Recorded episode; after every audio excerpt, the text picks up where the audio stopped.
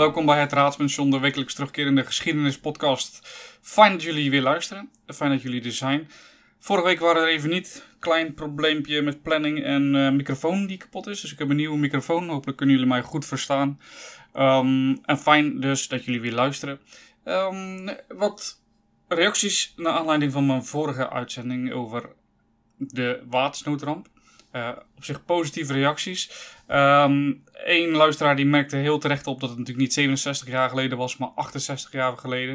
Het is natuurlijk een beetje zoals je vroeger op school zat, hè, dat je je toets invulde en dan moest je de datum invullen. En dan vulde je in januari en februari altijd nog het verkeerde jaar in. Nou, dat had ik ook in mijn hoofd met het berekenen. Uiteraard kan ik wel hoofdrekenen.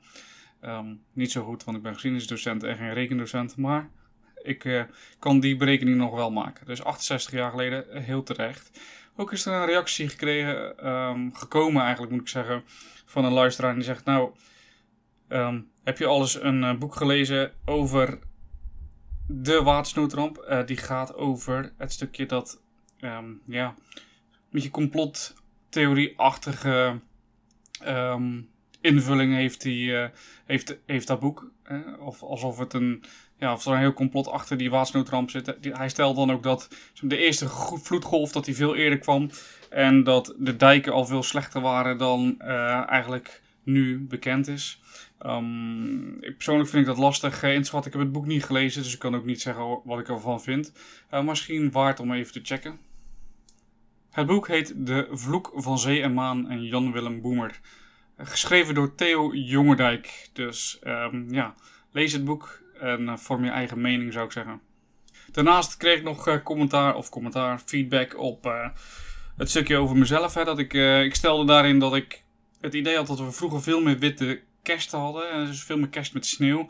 En toen kreeg ik een mooi grafiekje toegestuurd met daarin dat, um, dat het eigenlijk best meevalt. Hè? Dat we in de laatste 20, 30 jaar dat we maar een stuk of 4, 5 keer echt maar een witte kerst hadden. Dus um, die frequentie blijkt dus veel lager. Kun je nagaan wat je geheugen doet hè, met, uh, ja, met het verleden. En ja, ik zei ook al, het is hoe ik het me herinner. Dus bedankt uh, voor deze reality check. Ja, en dan, uh, het is jullie waarschijnlijk gisteren niet ontgaan. Het, is, het was Valentijnsdag, moet ik zeggen. Valentijnsdag is natuurlijk altijd de dag dat je vrouw altijd tegen zegt van... Nee, je hoeft niks voor me te kopen. En dan koop je niks en dan krijg je gedonder. Nou ja, uh, waar komt dat nou eigenlijk vandaan, hè? die Valentijnsdag? Waar, hebben we dat nou aan te danken? En dat is wel een, ja, bijzonder om daar eens even in te duiken.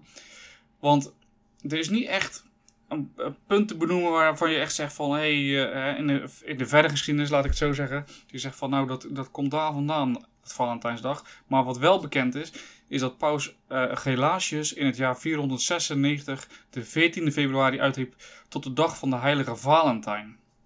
Nou, wie is dan die uh, Valentijn? Want er zijn geen enkele biografische documenten over hem beschikbaar. Maar alleen wat ja, vage verhalen eigenlijk. En het gaat waarschijnlijk om een Romeinse priester die omkwam tijdens de christenvervolging onder keizer Claudius II. Die leefde van 268 tot 72 of die was keizer tussen 268 en 270. En de priester zou geweigerd hebben om zijn geloof op te geven. En in plaats daarvan probeerde hij zelfs de keizer zelf te bekeren. Dus in plaats van dat hij uh, toegaf van oké, ik ga weer in de Romeinse heidenen geloven, Romeinse heidense goden geloven, zou hij geprobeerd hebben om die keizer te bekeren. Nou, mooie verhaal natuurlijk. En zelfs voor zijn executie zou hij nog een wonder hebben verricht. Namelijk de blinde dochter van de supier uh, zijn zicht terug, of haar zicht terug te geven. Nou ja, dat is wel fijn uh, voor het Vaticaan, want uh, ja, je kan niet heilig worden verklaard als je geen wonder hebt gepleegd. Dus bijzonder natuurlijk, bijzonder verhaal natuurlijk wel, maar goed. Um, en zo is eigenlijk die Valentijn een heilige man geworden, Sint Valentijn.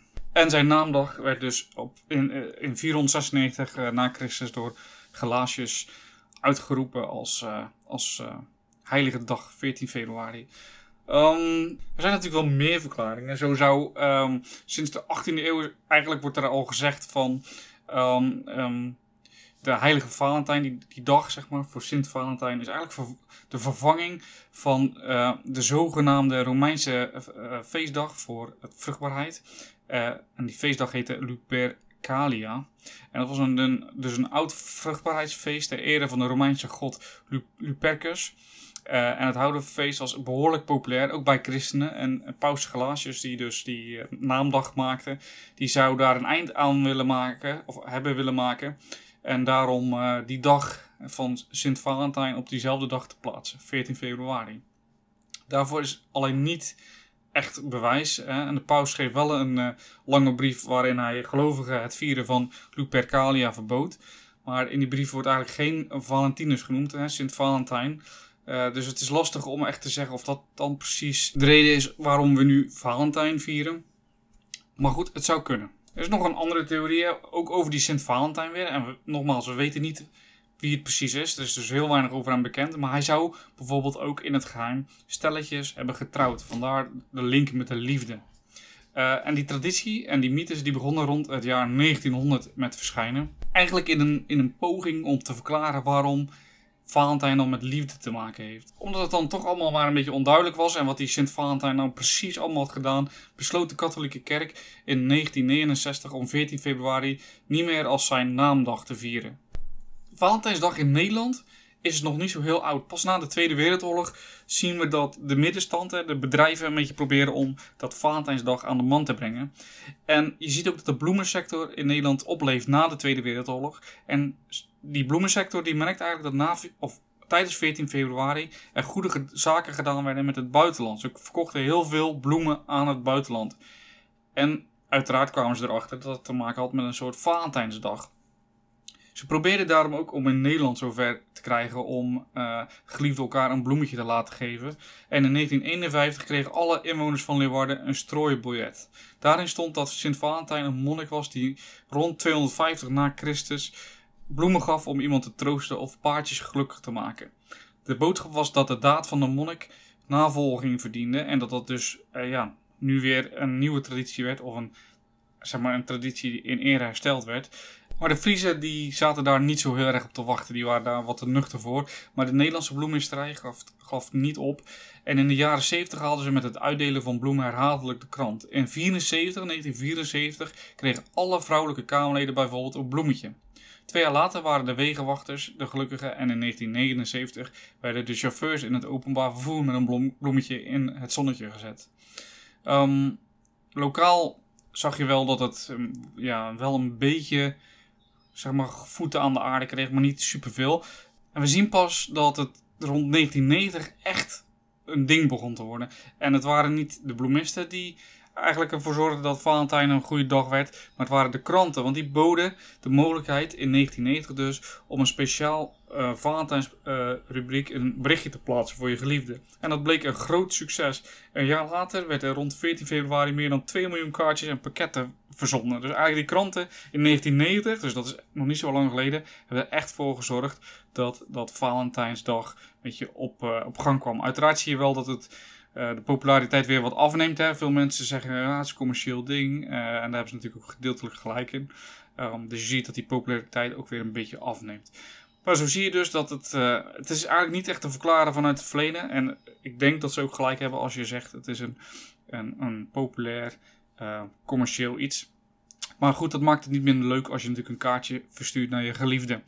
Wat wel interessant is trouwens, is dat de oudste Valentijnskaart rond 1400 uh, in Engeland is uh, gemaakt. En die brief is nog te vinden in het British Museum. Museum. Dus mocht je daar ooit zijn in Engeland, in het British Museum, als uh, corona en alles voorbij is, dan kan je dus de oudste Valentijnskaart die er bestaat, kan je nog, nog zien. Ja, en dan verder eigenlijk met een best wel naar onderwerp. Myanmar namelijk. Er is nu weer een militaire coup gepleegd.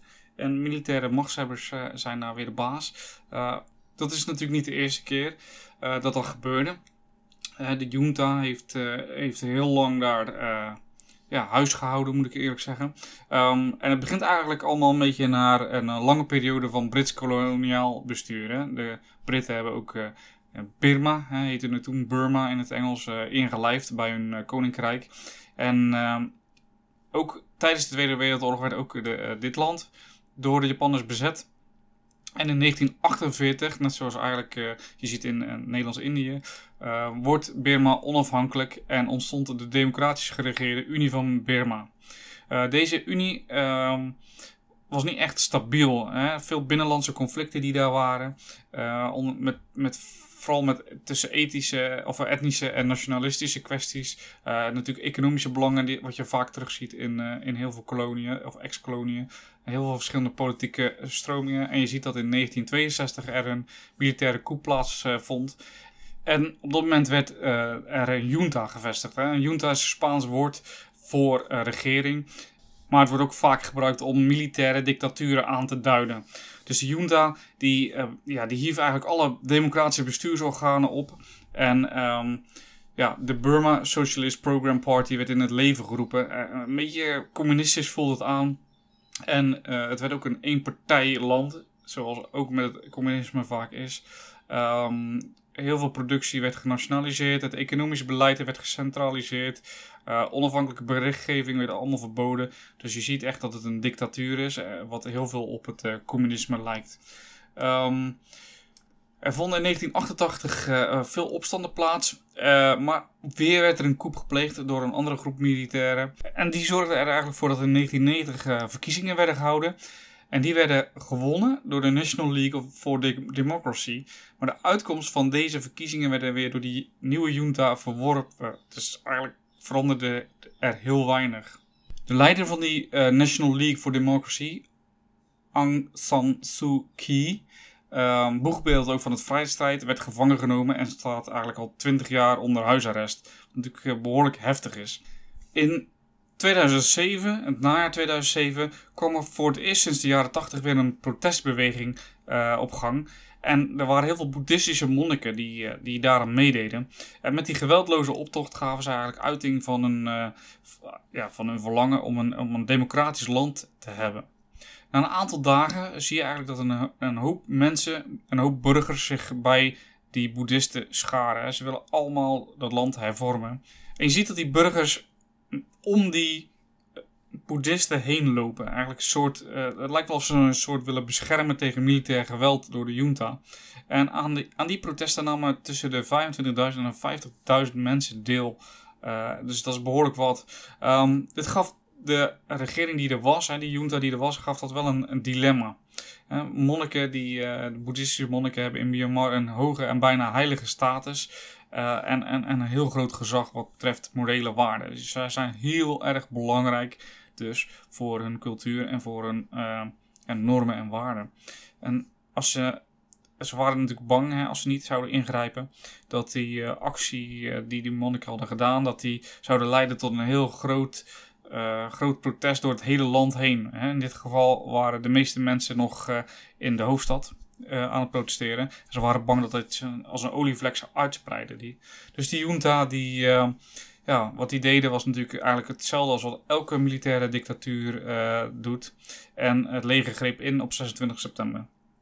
De menigte um, ja, die werd een beetje uiteengedreven. Hè. er zijn verschillende bronnen. Waarbij de ene natuurlijk zegt van er, waren vijf doden, andere zeggen er was maar één dode. Maar wat er in ieder geval wel gebeurde is dat er ongeveer 200 monniken en burgers opgepakt werden. En ja, die burgers die werden naar de jungle gebracht en daar werden ze geëxecuteerd. En zonder dat, uh, zonder dat dat eigenlijk bekend was bij de gewone bevolking. Nou, je ziet natuurlijk dat door de jaren heen natuurlijk de internationale gemeenschap heel veel druk uitoefende met sancties en dat soort dingen. En je ziet op 1 oktober dat er uh, door overgelopen officieren uh, gezegd werd dat veel monniken in vrachtwagens werden gedwongen en dan dus in de jungle werden geëxecuteerd. En dat bericht bereikte ook de Verenigde Naties. En uh, op 5 oktober uh, zie je dat de uh, ambassadeur bij de Verenigde Naties verklaarde dat er vrijlatingen zouden volgen. En ja, die verklaring was natuurlijk waarschijnlijk als doel had hij om een interventie te voorkomen.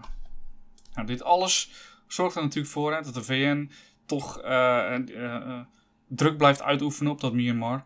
En op 31 januari 2011 zie je dan dat er uiteindelijk een nieuwe grondwet in werking treedt. En die maakte formeel een einde aan het militaire bestuur. Op deze datum zie je ook dat de eerste bijeenkomst plaatsvindt van een nieuw opgerichte parlement. Uh, het is een tweekamerparlement waarbij er een lagerhuis is met 440 uh, eh, zetels en een hogerhuis van 224 zetels. En op 4 februari 2011 werd Thein Sein uh, verkozen tot president van Myanmar. Hij was eigenlijk het eerste civiele staatshoofd van Myanmar in bijna 50 jaar.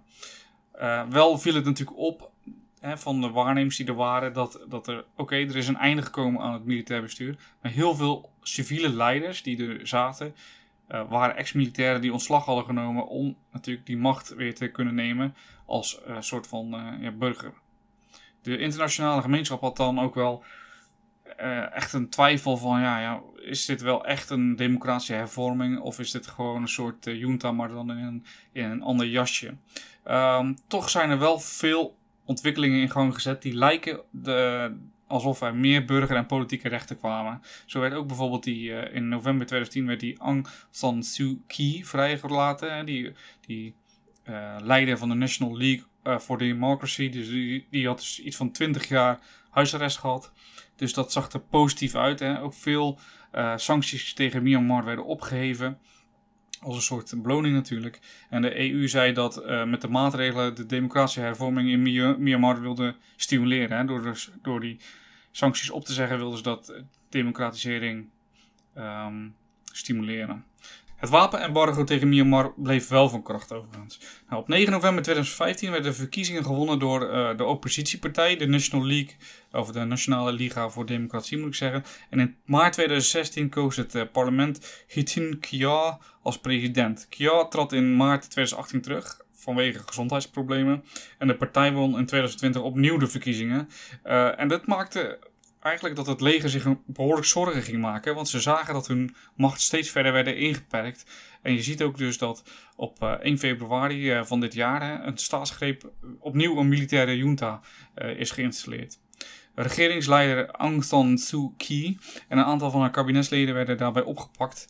en de Nationale Liga voor Democratie roept weer op tot protesten. Dus het is wel uh, een soort terugkerend patroon. En ik ben wel benieuwd wat, uh, wat daaruit gaat komen. Maar zo heb je in ieder geval een beetje een achtergrondinformatie over die uh, zaken in Myanmar. Het volgende onderwerp is iets lichter van, van de smaak. En er is namelijk een schelp gevonden, die is 18.000 jaar oud. En het blijkt dat die schelp een van de oudste blaasinstrumenten op aarde is. Um, Zo'n 90 jaar geleden troffen wetenschappers in de Franse grot Marsoulas, uh, gelegen tussen Houten uh, Garon en Arrière, een excentrieke schelp uh, aan. En die schelp bleef lange tijd op de plank liggen, totdat onderzoekers onlangs besloten om hem af te stoffen. En dat was een goede keuze, want na grondige analyse blijkt het te gaan om een van de oudste blaasinstrumenten op aarde. Uh, wat vooral opvalt is dat uh, de punt van de schelp is af, afgebroken, waardoor er een klein gaatje in de schelp zit van ongeveer 3,5 centimeter. En uh, omdat de punt van de schelp het hardste gedeelte is, is die breuk waarschijnlijk dus niet toevallig. Hè? Dat hebben ze dan daaruit kunnen afleiden. bovendien blijkt er op de andere uiteinde krassen te zitten en is de schelp versierd met, met ja, soort rode edelstenen, hemamiet, hematiet heet het. Uh, en uh, die, die stenen zijn ook kenmerkend voor de grot waar de schelp in is gevonden. Dat zou dus uh, kunnen betekenen dat die schelp een waardevol object was. Nou, die, al die kenmerken bij elkaar genomen, ja, denken dus de onderzoekers op een gegeven moment van dit is een blaasinstrument. Oh, en om dus na te gaan of je op die schelp geluiden kan produceren, schakelden onderzoekers de hulp in van een, uh, ja, iemand die daar heel goed in is, een, een hornist, een hornist. En die slaagde er inderdaad uh, geluiden uit de schelp te krijgen. Het waren drie verschillende geluiden, dus ja, het is dus mogelijk dat het echt een blaasinstrument was. Het grappige aan dit soort dingen is natuurlijk dat je zelf kan verzinnen van, ja, was dat wel zo? Het is, blijft natuurlijk allemaal aannames. En dat je er toevallig een geluidje uit krijgt is leuk. Maar is het dan ook echt een blaasinstrument? Voor hetzelfde geld was het, ja, weet ik veel, iets uh, waar je water in gooide. Of uh, zag er gewoon mooi uit. Hè? Dat zou natuurlijk ook allemaal kunnen. Maar goed, ze gaan er dus vanuit dat het een, een blaasinstrument is geweest. Ja, en dan natuurlijk het laatste nieuws wat, wat jullie als goed is niet is ontgaan. Er is een nieuwe doorbraak in het onderzoek naar de Stonehenge. En het 9 jaar oude, uh, de 900 jaar oude mythe blijkt toch een kern van waarheid te, te bevatten, want de Stonehenge zou verplaatst zijn. Uh, waar komen dan die mythen vandaan? Uh, die zou voortkomen uit Geoffrey van Monmouth. Die zou voor het eerst in, in zijn teksten hebben verwezen um, naar het feit dat er een connectie was met Wales. Hè, dat die, die Stonehenge een connectie daarmee had. En in zijn Historia Regum Britannia Oftewel de geschiedenis van de Britse koningen gaf hij een, de dans der reuzen. dat was de mythe, hè? de dans der reuzen. En hij gaf daarin een theorie over het ontstaan van de Stonehenge. En het verhaal houdt eigenlijk verband met de Arthur-legendes. Koning Arthur met, de, met het zwaard in de steen. En de leermeester van Arthur en Merlijn die komt daar ook in voor. En om een, een kort verhaal lang te maken, het gaat erom, het, het speelt zich af in uh, of rondom het jaar 500. Hè. De Romeinen hebben zich teruggetrokken uit Engeland. Um, de Saksen die vermoorden eigenlijk alle Britse edelen die ze kunnen vinden. En eigenlijk komt een man die uh, terugkeerde naar Groot-Brittannië nadat hij heel lang in, uh, in ballingschap had geleefd in Frankrijk. Het was een Britse prins overigens. Die, die bouwde met zijn broer Ute Pendragon een enorm groot leger. En die Britse prins die terugkwam was Ambrosius Aurelianus. En die Ute Pendragon die bouwde zijn groot leger, versloegen de Saksen. En om dus een lang verhaal kort te maken, ze wilden daar gedenkstenen voor bouwen. Um, en dat was natuurlijk heel moeilijk, want ze hadden een, heel groot uh, idee, een heel, met hele grote stenen. Maar ze kregen die stenen niet verplaatst. En die, die Merlijn, die zou eigenlijk de ridders die op dat moment bezig waren met die gedenkstenen, zou die hebben laten zien hoe je enorme machines kon bouwen om nog, toch die stenen te, konden, te kunnen vervoeren en te verplaatsen. Nou, die stenen kwamen dus, volgens die, die schrijver, kwamen dus uit Wales. En die werden dus neergezet op de plek waar nu Stonehenge staat. Nou, in eerste instantie leek het natuurlijk een beetje onzin. Hè. Uh, er is ook een heel groot gat in de geschiedschrijving op dat moment in, in Engeland. Maar nu blijkt dus dat er in Wales, in een soort afgraving, dat daar afdrukken zijn gevonden van stenen. Die dus de doorsnede en de grootte hebben van de stenen die eh, bij Stonehenge staan. Dus er zit toch ergens een kern van waarheid in. Ja, of dat het dan ook echt die, die Pendragon was en, en zijn broer, dat is natuurlijk een tweede vraag. Maar het is wel grappig dat, dat dat dus naar voren kwam. En dat er dus toch een kern van waarheid in zit. En dat die Stonehenge dus gewoon echt verplaatst is. Om het iets duidelijker te maken. Uit onderzoek blijkt dus dat die stenen, die afdrukken van die stenen ongeveer gelijk waren. En dat die dat het monument wat gebouwd was, was rond 3400 voor Christus gebouwd. Toen was het westen van Wales ook echt heel erg dicht bevolkt. Maar uh, rond 3000 voor Christus, 400 jaar later, is eigenlijk niks meer te vinden in die regio. Dus dat betekent dat dat volk eigenlijk min of meer verdwenen is. En dat, ja, dat doet natuurlijk vermoeden dat er, dat er wel iets aan de hand is. Namelijk dat uh, die 225 kilometer verderop die Stonehenge werd opgebouwd. Hè? Dus ze hebben het idee dat dat volk wat eerst leefde uh, uh, in, het, in het westen van Wales, dat die zich verplaatste en eigenlijk dat monument heeft meegenomen tot op de plek waar het nu staat. Zo zie je dat, uh, dat de geschiedenis constant verandert. En dat is natuurlijk het super vette van geschiedenis, dat je elke keer tot nieuwe inzichten komt. Hè? En uiteraard, ik heb het al eerder gezegd, naarmate we naar de huidige geschiedenis komen, zie je dat het steeds makkelijker wordt omdat er steeds meer gedocumenteerd wordt. Maar zeker in die tijd is het allemaal interpretatie en kun je steeds weer tot nieuwe feiten komen. Ja, dat was het eigenlijk wel voor mij. Um, ik, vond het weer superleuk dat jullie uh, luisterden. Ik hoop dat jullie ook weer wat geleerd hebben deze podcast. Mochten jullie nou uh, vragen hebben of opmerkingen hebben, stuur ze dan naar geschiedenis.paulushistoricus.nl Je kan me uiteraard ook vinden op uh, Twitter, Instagram, Facebook, TikTok, uh, Snapchat, overal waar je maar wil, kan je me vinden. En daar kan je me natuurlijk ook een berichtje sturen. Um, bedankt dus voor het luisteren in ieder geval. En ik hoop dat jullie er volgende week weer zijn. Ik ben er sowieso volgende week. Ik ga eens kijken of ik weer eens een leuke gast kan uitnodigen voor een leuk verhaal. Mochten jullie nog leuke onderwerpen hebben waarvan je denkt van nou uh, behandel dit of hier wil ik meer over weten. Laat het mij dan weten. En dan uh, zorg ik dat het terugkomt in deze podcast. Bedankt voor het luisteren en later.